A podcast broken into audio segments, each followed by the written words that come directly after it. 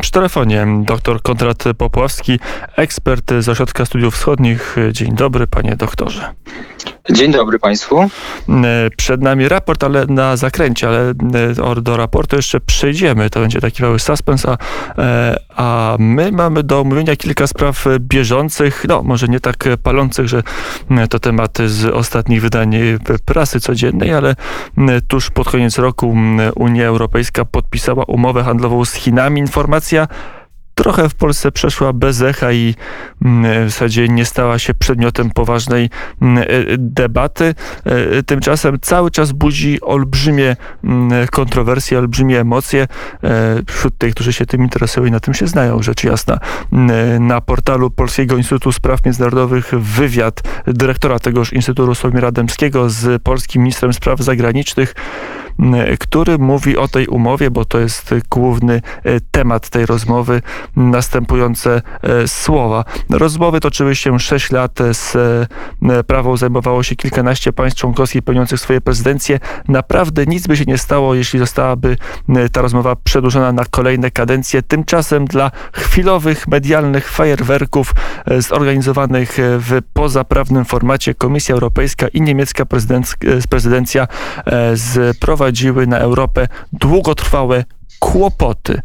Tak mhm. o umowie podpisanej mówi w opublikowanym dzisiaj wywiadzie mm, Zbigniew Rau, szef polskiej y, dyplomacji.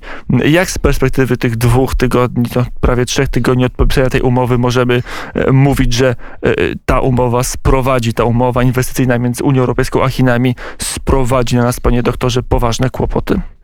Mhm.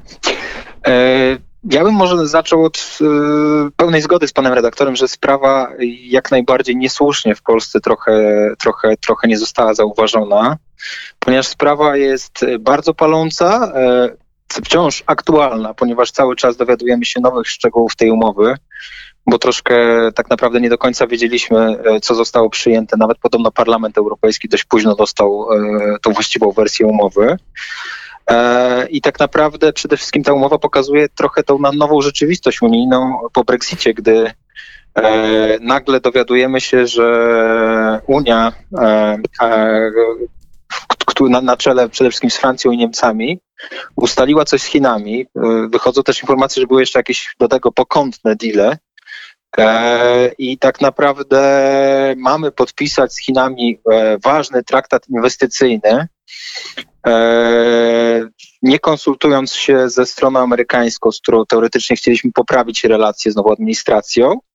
No i w dodatku jeszcze w takim dość niefajnym momencie, kiedy Chiny w tym roku prowadziły wyjątkowo agresywną politykę, tak? I wywierały presję na swoich sąsiadów i zakończyły praktycznie sprawę Hongkongu, podporządkowania Hongkongu, gdzie wiele krajów unijnych zarzuca Chinom e, łamanie traktatów e, międzynarodowych.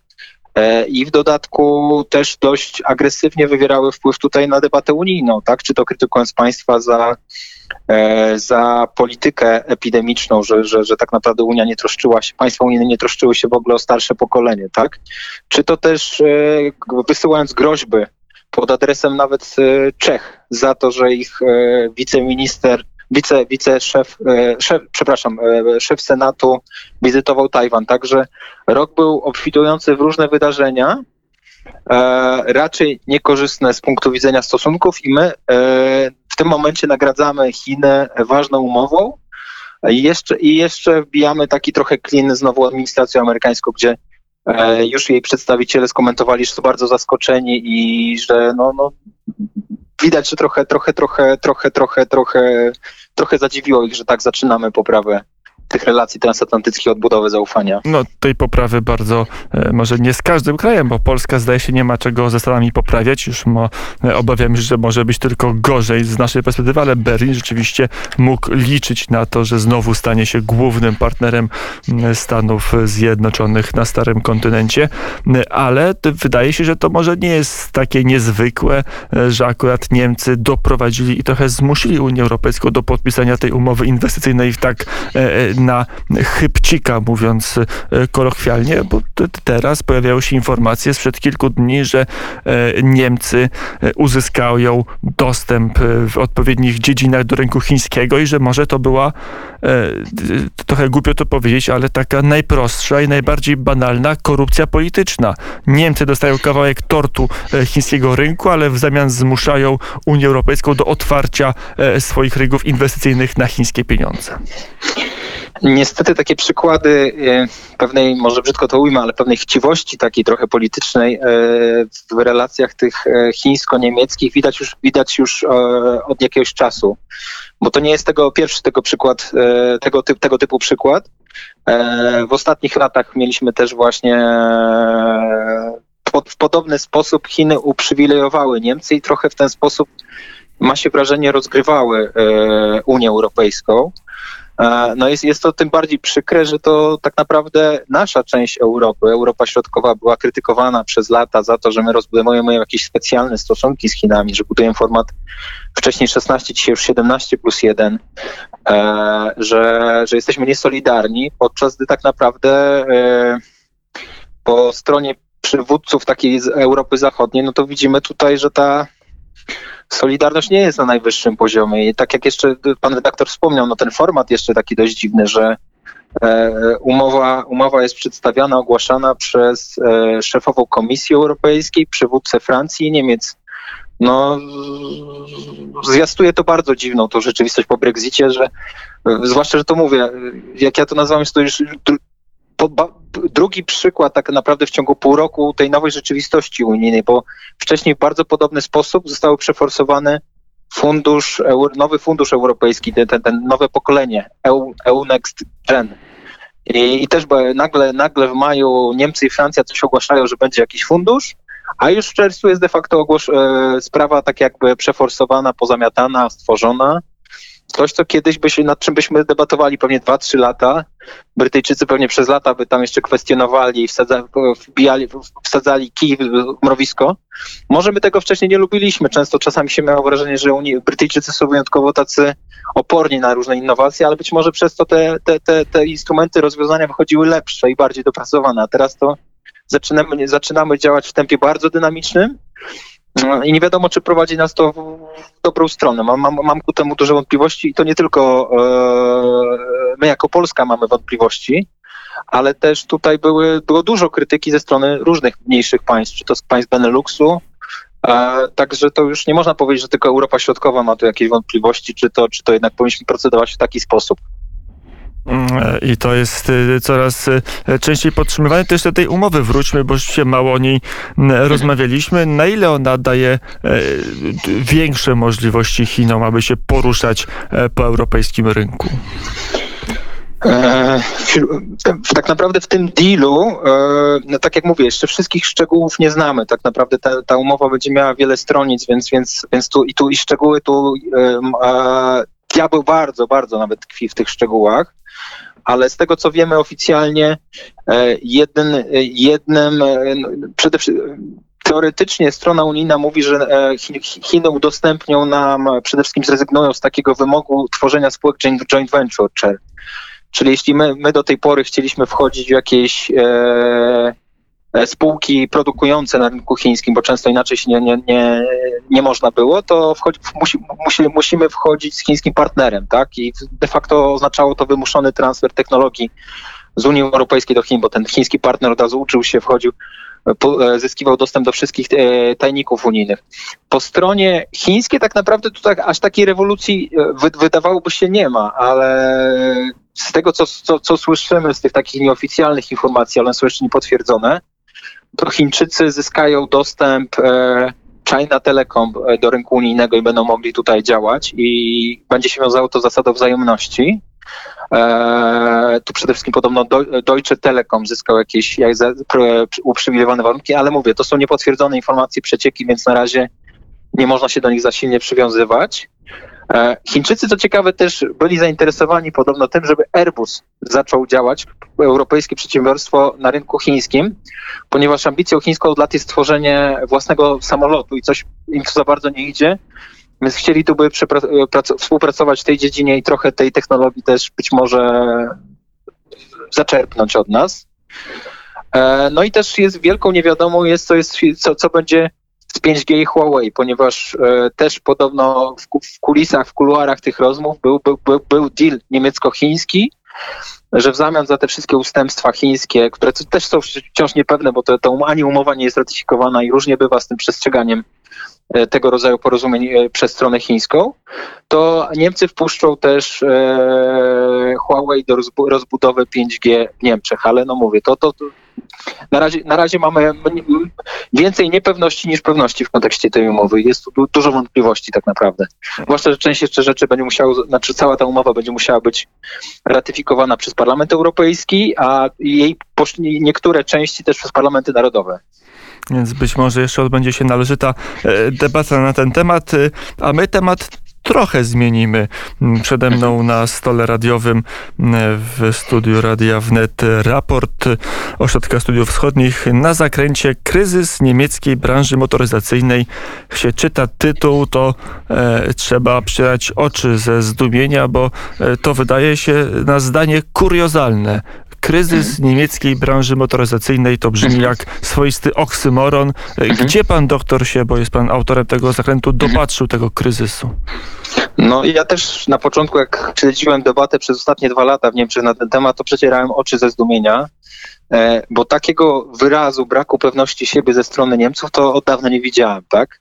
I tam rzeczywiście, e, jak się obserwuje tą debatę wewnętrzną, czym oni się nie zawsze chwalą na zewnątrz, bo na zewnątrz jesteśmy twardzi i zwarci jak pięść, to, to, to widać, że po prostu jest pewna panika związana właśnie z, z sukcesami tych różnych e, e, koncernów związanych z elektromobilnością, tu zwłaszcza mówimy o Tesli, postępach Chińczyków też, też e, w tej dziedzinie, e, w tym, że Niemcy nie mają, techno, nie, nie mają technologii produkcji e, kluczowych e, komponentów do samochodów elektrycznych, czym jest tak naprawdę bateria to wszystko robią dzisiaj Azjaci, tak? I Niemcy się bardzo obawiają, że zmierzamy w kierunku modelu, bo że elektromobilność to będzie ta przyszłość i my zmierzamy w kierunku modelu, w którym e, oprogramowanie do tego typu samochodów, bo one dużo, będą dużo bardziej e, nasycone tymi, tymi różnymi rozwiązaniami E, rozwiązaniami informatycznymi, komputerowymi, to będą te, też mają być inteligentne samochody z jakąś tam dużą, dużą większą bądź mniejszą dozą e, jazdy, autonomi jazdy autonomicznej. Więc to oprogramowanie będzie pochodzić ze Stanów Zjednoczonych i z Chin, a baterie z kolei z Azji. W tym, i, I w takim wypadku Europa może pozostać tylko jako twórca pewnego hardware'u, czyli, czyli po prostu, nie wiem, jakichś części podstawowych, jakichś takich rzeczy, a jakichś takich rzeczy, które mogą nie mieć już tak istotnego znaczenia. I, i, w pewnym momencie okaże się, że, że, że król jest nagi, że tak naprawdę to nasza kluczowa branża, w czymś, czym, czy, coś, czym Europa stoi, tak? Te łańcuchy dostaw, one są e, bardzo mocno tutaj, e, całe, wszystkie koncerny europejskie, wszystkie tak naprawdę państwa są wpięte albo we francuską, albo we włoską, albo w niemiecki łańcuch wartości produkcji samochodów i że Europa tak naprawdę traci, traci na konkurencyjności i już będzie bardzo trudno dogonić liderów rynkowych, bo ani nie mamy tych technologii bateryjnych. W IT i oprogramowaniu e, też bardzo słabo sobie radzimy, a to są dwie kluczowe technologie, bez których tak naprawdę E, nie możemy być pionierami, nie możemy być wśród liderów tej technologii. A w dodatku sami sobie narzucamy bardzo e, takie ostre limity w tej dziedzinie, ponieważ prowadzimy bardzo taką agresywną, taką, taką, taką zdecydowaną politykę klimatyczną, która wymusza te dostosowania, wypycha z rynku e, samochody spalinowe. I to jest tak naprawdę największe zmartwienie Niemców i, i ono się już tak naprawdę urzeczywistnia, bo to widzimy też, że wielu poddostawców niemieckich, bo nie, nie, niemiecka motoryzacja to nie jest, nie jest tylko Mercedes, nie jest tylko BMW, nie jest tylko, tylko Porsche czy, czy, czy tego typu e, marki, ale też cała masa firm, firemek, e, które stoją za tymi e, komponentami dla tych samochodów i które już tak naprawdę cierpią, bankrutują z tego tytułu, że właśnie ich wyroby y, nie nadają się do samochodów e, elektrycznych, tak? Ponieważ te samochody elektryczne są dużo prostsze, jeśli chodzi o taką konstrukcję, nie wymagają części, części, części bardzo istotnych, bardzo, bardzo istotnych komponentów, takich jak choćby skrzynie biegów i, i nagle okazuje się, że te firmy zostają na lodzie. E, to jeszcze e, przejdźmy, bo kiedyś rozmawialiśmy o tym, jak to wygląda w Niemczech, ale mhm. E, niemiecki przemysł motoryzacyjny to nie tylko same zakłady i mhm. rynek pracy i gospodarka niemiecka, ale także gospodarka Europy Środkowo-Wschodniej, zwłaszcza grupy mhm. wyszachradzkiej, bo mhm. jakby tak nakreślić, wydawało mi się, że Słowacja jest takim krajem bardzo mocno podłączonym przemysłowo pod niemiecki przemysł motoryzacyjny, a tymczasem okazuje się, że i Polska, i Czechy, i Węgry, jeżeli Niemcy osłabną, będą miały spore problemy. Mhm. Ja tu może przytoczę jedną daną, żeby to trochę to skwitować. Okazuje się, że jak spojrzymy na dane, to w przypadku Polski 38% eksportu e, stanowią e, e, stanowią wyroby dla motoryzacji i branży maszynowej, która jest z motoryzacją bardzo ściśle powiązana, a w przypadku na przykład Słowacji jest to 65%, czyli od 40 do 60% naszego eksportu całego to są wyroby tych dwóch branż, bardzo tak jak mówię, ściśle związanych z motoryzacją i z, z pojazdami i często też, bardzo często też na potrzeby niemieckich koncernów. Więc tak naprawdę problem niemiecki w pewien sposób, znaczy w, w pewien sposób jest naszym problemem. My sobie wyrobiliśmy bardzo silną e, pozycję poddostawców. E, no może nie jesteśmy najbardziej szczęśliwi, bo wole, wolelibyśmy mieć tą marżę z marketingu, z, też mieć własną wielką markę. No ale ten, te, to też były godziwe pieniądze, może nie jakieś bardzo wysokie marże ale zapewniały całkiem dynamiczny wzrost gospodarczy i okazuje się, że teraz yy, nagle to wszystko się może zmienić. Nagle też być może za jakiś czas, a być może już, część naszych poddostawców może się obudzić e, w rzeczywistości, że jakiś ich komponent nie jest potrzebny, bo przeżywamy rewolucję technologiczną i te samochody będą zupełnie i, i, inaczej wyglądały. No już nie wspominając o też tych tarciach międzynarodowych, tak, bo to już widać, że, że, że może się zacząć taka rywalizacja o miejsce pracy, tak, E, niemieccy związkowcy będą bronić swoich pracowników, tak, swoich fabryk, swoich miejsc pracy. To już się dzieje. Bo w tym raporcie pan przytacza dane e, co do liczby zwolnień, które mhm. planują w najbliższej przyszłości niemieckie mhm. koncerny motoryzacyjne. Mhm. Czy takie same decyzje są co do polskich fabryk? Czy to jest tak, że już y, możemy powiedzieć, że ten kryzys niemieckiej branży motoryzacyjnej także odbije się w konkretnych zwolnieniach w polskich zakładach? Ja tu stawiam dwie tezy. Tak naprawdę może się okazać, że przez jakiś czas to zatrudnienie u nas się utrzyma, bo jednak no, nie ma co ukrywać. Te koszty pracy są u nas niższe. E, I no z perspektywy tych koncernów jesteśmy takim e, źródłem e, oszczędności, tak? Także, także dla inwestycji w te nowe technologie. Ale możliwe też, że Niemcy będą inwestować i podtrzymywać u nas te technologie schyłkowe, tak? Będzie, będą, będą inwestować jeszcze przez chwilę te, w, te, w, te, w, te, w te koncerny, w te samochody spalinowe, a za jakiś czas, za 5-10 lat obudzimy się z jakąś przestarzałą technologią i okaże się, że ta droga, którą podążamy transformacji, właśnie dość, z dość silną zależnością od motoryzacji, e, no okaże się ślepą uliczką. Okaże się, że znajdą się jacyś tańsi, lepsi. E, okaże się, że Niemcy będą się zamykać trochę bardziej, bo okaże się, że, że, że, że, że tutaj też mają swoje problemy i też chcieliby swoje miejsca pracy ratować. E, I przede wszystkim te nowe technologie będą u siebie rozwijać.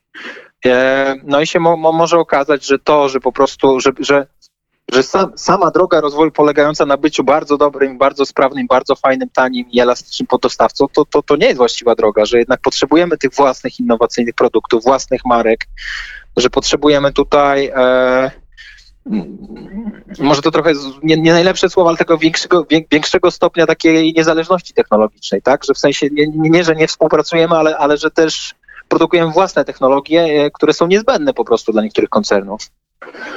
Mm, I to jest ten element y, kryzysu. Y, na ile jest tak, że y, polski przemysł może tutaj coś zyskać? Mówi się o polskim samochodzie elektrycznym Izera. To jest tak, że na tym kryzysie nie tylko Polska może ewentualnie stracić jako ten segment poddostawców czy podwykonawców dla niemieckich mhm. firm, ale wybić sobie swoją własną siłę albo jako mhm. producent, albo jako współproducent samochodów elektrycznych chociażby. Mhm. Znaczy dla mnie takim przebłyskiem, takim, takim, takim, takim promyczkiem nadziei jest to, że Polska już zaczyna się sytuować mocno w tej e, w elektromobilności.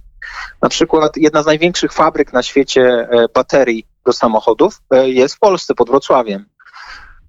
Podobne, podobnie Węgry też są całkiem silnie spozycjonowane, a na przykład dużo większy problem mają z tym, mają, mają z tym Słowacja i Czechy, tak? I okazuje się, że my mamy wcześniej fabrykę e, baterii do samochodów niż na przykład Niemcy, którzy, gdzie, gdzie, gdzie jeszcze nie ma żadnej otwartej fabryki baterii. Oni jeszcze tak naprawdę, niemieccy inżynierowie, niemieccy pracownicy nie uczą się jeszcze tej technologii, jak to tak naprawdę robić w praktyce, tak? I wiadomo, że ta, bo to jest akurat w, naszej części jest to producent, producent azjaty, azjatycki, firma z Korei Południowej, że z tymi producentami też niełatwo się współpracuje, bo e, oni niechętnie dzielą się różnymi tajemnicami handlowymi czy produkcyjnymi, no ale nie ma co też ukrywać, że ci nasi inżynierowie, ci nasi pracownicy, którzy tam pracują, też jakąś e, część wiedzy posiądą, a być może jak, za jakiś czas jakieś firmy nasze będą też w tym e, łańcuchu dostaw i też będą coś dostarczać. Więc to, to, to, to jest dla nas na pewno promyczek nadziei.